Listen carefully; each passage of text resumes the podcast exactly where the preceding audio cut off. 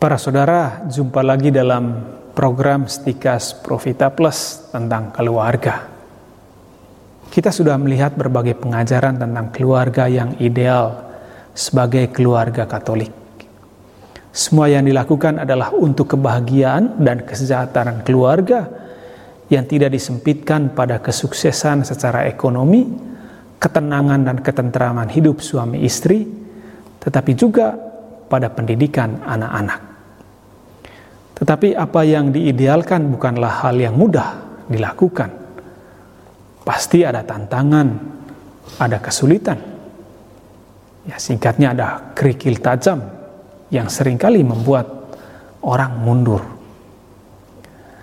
Nah, salah satu hal yang sering terjadi adalah adanya perceraian seperti yang saya katakan, ini fenomena yang terjadi secara umum, bukan saja di gereja Katolik yang ajarannya tentang perkawinan dan larangan perceraian sangat ketat, tetapi juga di agama-agama lain, atau juga dalam masyarakat yang tidak mengenal Tuhan atau agama. Artinya, kalau dalam gereja Katolik saja banyak terjadi perceraian, ya karena ajarannya sangat ketat, Apalagi yang terjadi di luar itu. Tidak heran masyarakat kita runtuh, hancur gara-gara perceraian, hancurnya sebuah keluarga. Kalau keluarga tidak solid, apalagi masyarakat. Nah, lihatlah masyarakat kita. Lihatlah anak-anak yang lahir dan dibesarkan dalam keluarga yang ya tercerai-berai. Ya, maaf saya tidak sedang mengejek atau mencibirkan mereka tapi saya merasa kasihan, ya demikian juga gereja. Jadi meskipun ada ajaran yang sangat kuat dari Injil dan gereja, fenomena perceraian bukan berarti tidak ada dalam gereja Katolik. Fenomena perceraian dalam keluarga Katolik begini. Kitab suci dan gereja mengajarkan untuk tidak boleh bercerai. Ini jelas tetapi beberapa pasangan menikah meminta pengadilan untuk menceraikan mereka, pengadilan sipil maksudnya. Dari sudut pandang hukum sipil, mereka telah bercerai, tetapi dari sudut pandang gereja Katolik, mereka masih status sebagai suami istri.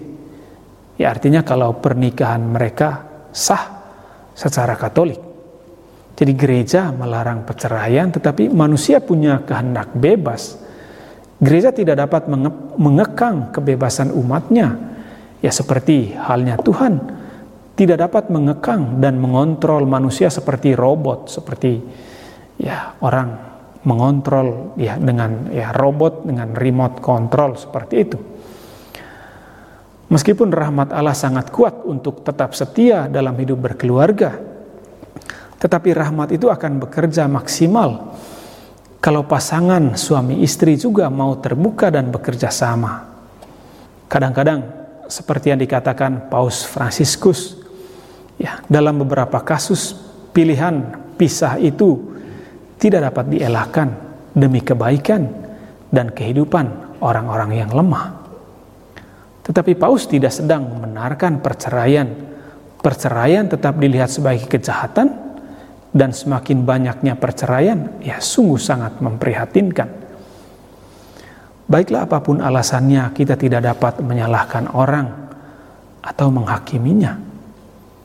Tetapi semua keluarga Katolik, entah pasangan suami istri atau anak-anak dari perkawinan yang ya yang hancur tadi, tetaplah anak-anak gereja, anak-anak Tuhan juga. Mereka tidak boleh disingkirkan dari gereja, hanya karena mereka bercerai secara sipil. Itu tanggung jawab gereja untuk mendampingi pasangan yang demikian. Maka gereja perlu dan tetap merangkul mereka. Gereja punya pastoral khusus bagi keluarga yang demikian. Hal ini dilihat sebagai hal yang sangat mendesak guna memulihkan hati dan memperbaiki kehidupan sebuah keluarga yang terpecah. Tugas gereja, kata Paus, adalah memperkuat cinta kasih mereka dan membantu menyembuhkan luka-luka sehingga kita bisa mencegah penyebaran drama zaman kita ini. Ada dua poin penting di sini. Pertama, ya, orang yang bercerai tetapi tetap tidak membangun perkawinan, ya, perkawinan baru. Kedua, orang yang bercerai tetapi telah memasuki perkawinan baru. Ya. Semuanya ini tentang keruntuhan rumah tangga atau perceraian. Sebenarnya tidak boleh karena tidak sesuai dengan maksud dan tujuan keluarga seperti yang dikehendaki oleh Tuhan. Kalau perceraian terjadi, lalu next step adalah apakah tetap mau tinggal sendiri dengan anak-anak atau tanpa anak-anak karena anak-anak ikut pasangan yang lain atau belum punya anak. Lalu ada yang menikah lagi dengan berbagai alasan entah itu alasan ekonomi demi anak-anak dan alasan-alasan lainnya. Gereja melihat kedua kelompok ini dalam keluarga yang terpecah tadi. Dalam menghadapi kedua kelompok ini, tentu gereja dalam kebijakan pastoralnya tidak memperlakukan mereka secara sama. Ya. Kita lihat poin yang pertama, yaitu poin mengenai orang yang ya pisah bercerai tapi tetap bertahan sebagai janda atau sebagai duda. Yohanes Paulus II dalam ajarannya tentang keluarga familiaris konsorsio melihat orang-orang yang bercerai tetapi tidak membangun keluarga lagi. Dia mengatakan begini, situasi yang serupa dialami oleh mereka yang bercerai tetapi masih tetap menyadari bahwa ikatan pernikahan yang sah ya tidak dapat ditiadakan. Dan karena itu mengelakkan keterlibatan dalam persatuan baru ya. Serta masih tetap hanya menjalankan tugas-tugas mereka dalam keluarga dan tanggung jawab hidup Kristen. Dalam kasus-kasus seperti itu, teladan kesetiaan mereka dan sikap konsistensi mereka secara Kristen beroleh nilai istimewa sebagai kesaksian di tengah masyarakat dan dalam gereja. Di situ bahkan masih lebih perlu lagi bagi gereja menyediakan cinta kasih dan bantuan terus-menerus tanpa adanya halangan apa pun untuk memperbolehkan mereka menerima sakramen-sakramen. Meskipun mereka bercerai, tetapi mereka tetap memandang perkawinan sebelumnya sebagai persatuan yang tak terpisahkan. Ya. Dan hal itu menghalangi mereka untuk membangun keluarga baru lagi. Mereka ini tetap bertahan dalam kesendiriannya, entah hidup sebagai ya seorang janda atau seorang duda. Singkatnya, mereka tetap menjadi orang tua tunggal. Nah, bagi Paus Yohanes Paulus II, cara hidup mereka menggambarkan kesaksian akan kesetiaan. Meskipun mereka bercerai, mereka bertahan setelahnya, dan hal itu merupakan suatu kesetiaan. Ya. Jika mereka hidup dengan anak-anak, mereka berkonsentrasi untuk membesarkan anak-anak mereka, meskipun mereka melanggar ya perjanjian kesetiaan karena perceraian yang dialami. Nah, mereka harus dihibur dan lebih dari itu tanpa ada halangan apa pun untuk memperbolehkan mereka menerima sakramen-sakramen baik pengakuan dosa maupun komuni, komuni suci. Jadi saya ulangi lagi, jadi orang yang ya pisah lalu tidak membangun keluarga baru lagi, ya tetap hidup sendiri, tidak ada halangan apa pun untuk menerima ya sakramen-sakramen gereja, ya terutama komuni suci, dia tetap masih boleh. Lalu Yohanes Paulus kedua melanjutkan, ya rasa kesepian dan kesulitan-kesulitan lainnya sering kali menjadi nasib suami istri yang bercerai, khususnya bila mereka tak bersalah. Nah, jemaat gerejawi hendaknya lebih dari sebelumnya mendukung orang-orang seperti itu. Hendaknya jemaat menunjukkan sikap hormat, solidaritas, pengertian, serta memberikan bantuan praktis, sehingga mereka dapat mempertahankan kesetiaan mereka juga dalam situasi yang sesulit itu. Nah, jemaat hendaknya menolong mereka memupuk rasa perlu mengampuni, ya. Maksudnya mengampuni pasangannya yang memang tercakup dalam cinta kasih Kristen dan kesediaan barangkali untuk kembali pada hidup pernikahan mereka yang semula. Hidup dengan status sebagai orang tua tunggal di masyarakat sekarang tidak gampang, sulit. Mungkin ada orang yang berhasil mendidik anaknya dengan tetap berpegang teguh pada perkawinannya, dengan tidak menikah lagi. Tetapi melewati hal ini tidaklah gampang.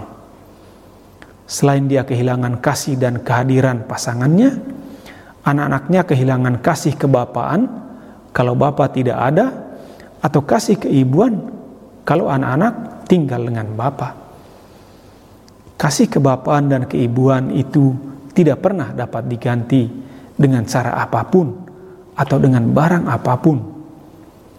Yohanes Paulus II meminta perhatian gereja melalui pelayan-pelayan pastoralnya dalam menghadapi orang-orang yang demikian agar mereka diterima, dihibur dan dikuatkan. Gereja berharap agar mereka dapat bersatu kembali dengan pasangannya yang lama karena status mereka tetap suami istri ya dari sudut pandang gereja. Lalu Paus Fransiskus dalam ajarannya mengatakan, orang yang bercerai tetapi tidak menikah lagi, ya, dan sering menjadi saksi-saksi kesetiaan perkawinan harus didorong untuk menemukan dalam ekaristi santapan yang diperlukan untuk menopang mereka dalam kondisi mereka saat ini. Nah, komunitas setempat atau para pastor harus mendampingi orang-orang ini dengan penuh perhatian terutama ketika ada anak-anak atau ketika ya mereka berada dalam kondisi kemiskinan yang serius. Kegagalan perkawinan menjadi jauh lebih traumatis dan menyakitkan ya dalam kemiskinan. Ya, karena mereka memiliki sumber daya yang jauh lebih sedikit untuk menentukan kembali arah hidup. Orang miskin yang kehilangan perlindungan lingkungan keluarga menderita ganda oleh pengabaian dan segala macam risiko bagi integritasnya. Nah, Paus meminta supaya gereja menjadi mediator rekonsiliasi di antara pasangan ini, tetapi juga bisa membuka pusat konseling khusus. Bapak Suci melihat bahaya kemiskinan menjadi penderitaan ganda terhadap keluarga-keluarga ini, baik orang tua maupun anak-anak. Perceraian bukan saja membawa luka yang dalam kepada anak-anak, tetapi juga kondisi kemiskinan akan memperburuk hidup mereka. Namun demikian menurut Paus, Ekaristi menjadi sumber penghiburan bagi mereka. Dengan ini mau menegaskan bahwa meskipun pasangan ini pisah atau cerai, ya, dan sejauh tidak menikah lagi atau hidup dengan pasangan lain, tanpa menikah gereja misalnya ya mereka masih dapat menerima santapan tubuh Tuhan dalam ekaristi. Ya mereka masih bisa menyambut komuni. Nah para saudara lalu bagaimana dengan persoalan yang kedua?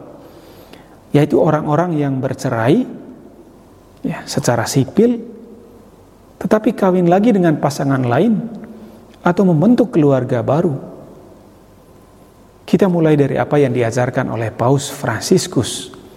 Penting diingat kata Paus Fransiskus bahwa orang yang bercerai memasuki perkawinan baru harus merasa bahwa mereka adalah bagian dari gereja.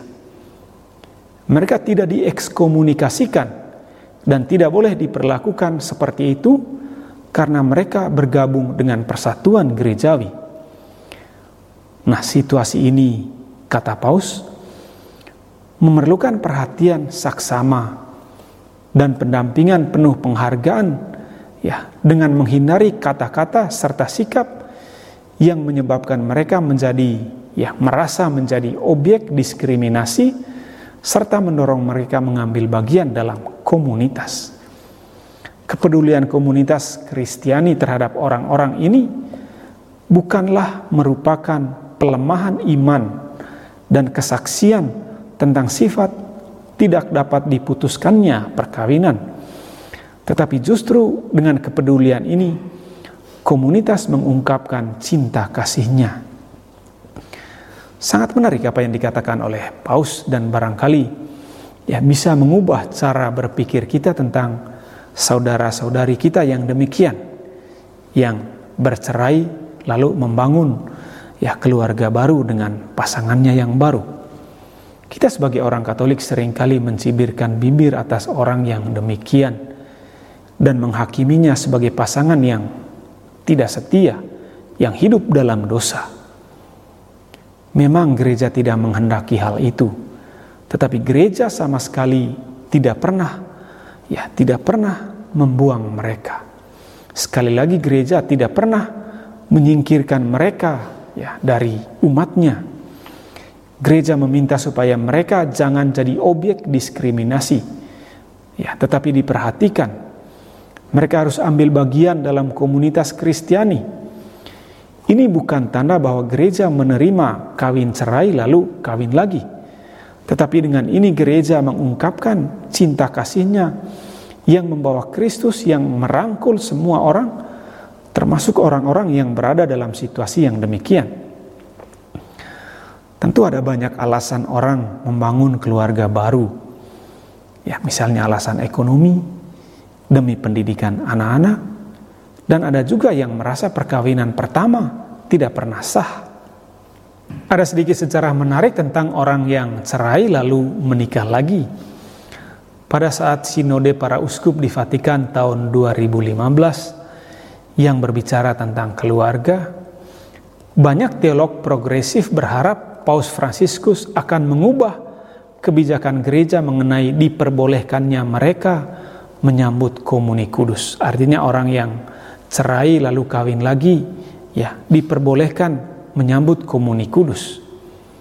Tetapi kubu teolog konservatif was-was juga kalau kalau Fransiskus mengubah kebijakan gereja sebelumnya. Setahun kemudian Fransiskus menulis ajaran resmi tentang keluarga Amoris Laetitia dan sebagaimana kita lihat tadi, dia tidak singgung sama sekali isu ini. Maka dia tetap berpegang pada ajaran sebelumnya dari Yohanes Paulus II yang mengatakan Ya, gereja menegaskan lagi prakteknya yang berdasarkan kitab suci untuk tidak mengizinkan mereka yang bercerai kemudian menikah lagi menyambut komuni suci, ekaristi suci. Mereka tidak dapat diizinkan karena status dan kondisi hidup mereka berlawanan dengan persatuan cinta kasih antara Kristus dan gereja yang dilambangkan oleh ekaristi dan merupakan buahnya. Selain itu masih ada alasan pastoral khusus lainnya. Ya. Seandainya mereka itu diperbolehkan menyambut ekaristi, umat beriman akan terbawa pada keadaan sesat dan bingung mengenai geri ajaran gereja bahwa pernikahan tidak dapat diceraikan. Nah itu yang dikatakan oleh uh, Paus. Ya. Jadi Paus Fransiskus tetap setia pada ajaran ini Meskipun banyak pihak berharap supaya hal itu diubah. Seperti halnya Paus Fransiskus, Santo Yohanes Paulus II meminta saudara-saudari yang demikian untuk tidak merasa diri sebagai orang-orang yang dibuang oleh gereja karena tidak diperkenankan menerima komuni kudus. Meskipun mereka tidak menerima komuni, mereka tetap diharapkan untuk ambil bagian dalam hidup gereja karena mereka adalah umat Allah. Pintu gereja masih terbuka untuk mereka ini meskipun mereka tidak boleh menyambut komuni suci. Itulah bagaimana sikap gereja terhadap teman-teman yang cerai. Meskipun gereja keras dalam ajarannya, namun tidak pernah membuang atau menyingkirkan mereka. Mereka tetap anak-anak gereja. Memang pilihan cerai bukan pilihan yang enak. untuk tetap setia pada hidup sendiri, ya setelah cerai juga tidak enak dan butuh perjuangan.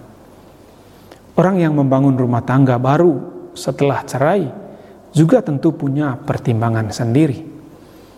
Gereja sebagai rumah bagi semua, termasuk pasangan menikah, memiliki kewajiban untuk mendampingi dan melayani mereka ya dengan tetap memperhatikan kondisi masing-masing. Nah, sebagai akhir dari hal ini, perkenankan saya mengutip kata-kata bijak Pos Fransiskus berikut ini. Pos Fransiskus mengatakan demikian. Gereja tidak boleh berhenti berbicara atas nama mereka yang paling rapuh, anak-anak yang menderita, sering dengan diam-diam. Hari ini saya bertanya kepada diri saya sendiri, kalau-kalau kita sudah mati rasa terhadap luka-luka jiwa anak-anak, apakah kita merasakan beban yang sangat meremukan jiwa anak-anak pada keluarga-keluarga di mana para anggotanya menganiaya dan menyakiti satu sama lain sampai memutuskan ikatan kesetiaan perkawinan? Pengalaman buruk seperti itu tidak membantu anak-anak bertumbuh menuju kedewasaan yang dibutuhkan. Karena alasan ini, komunitas Kristiani tidak boleh meninggalkan sendirian orang tua yang bercerai yang telah melangsungkan perkawinan baru. Sebaliknya mereka harus ya melibatkan dan menampingi mereka dalam fungsi mendidik mereka. Sesungguhnya ya bagaimana kita bisa menganjurkan para orang tua ini untuk melakukan yang terbaik untuk mendidik anak-anak mereka di dalam hidup Kristiani dengan memberikan kepada mereka contoh iman yang diyakini dan dipraktekkan. Jika kita menjaga jarak ya mereka dari komunitas seolah-olah mereka diekskomunikasikan. Kita harus memastikan bahwa kita tidak menambah lebih banyak lagi beban yang sudah ditanggung anak-anak dalam situasi ini. Semoga kita semakin mencintai dan memahami kebenaran dan akhirnya diselamatkan. Tuhan memberkati saudara. Salam Profita.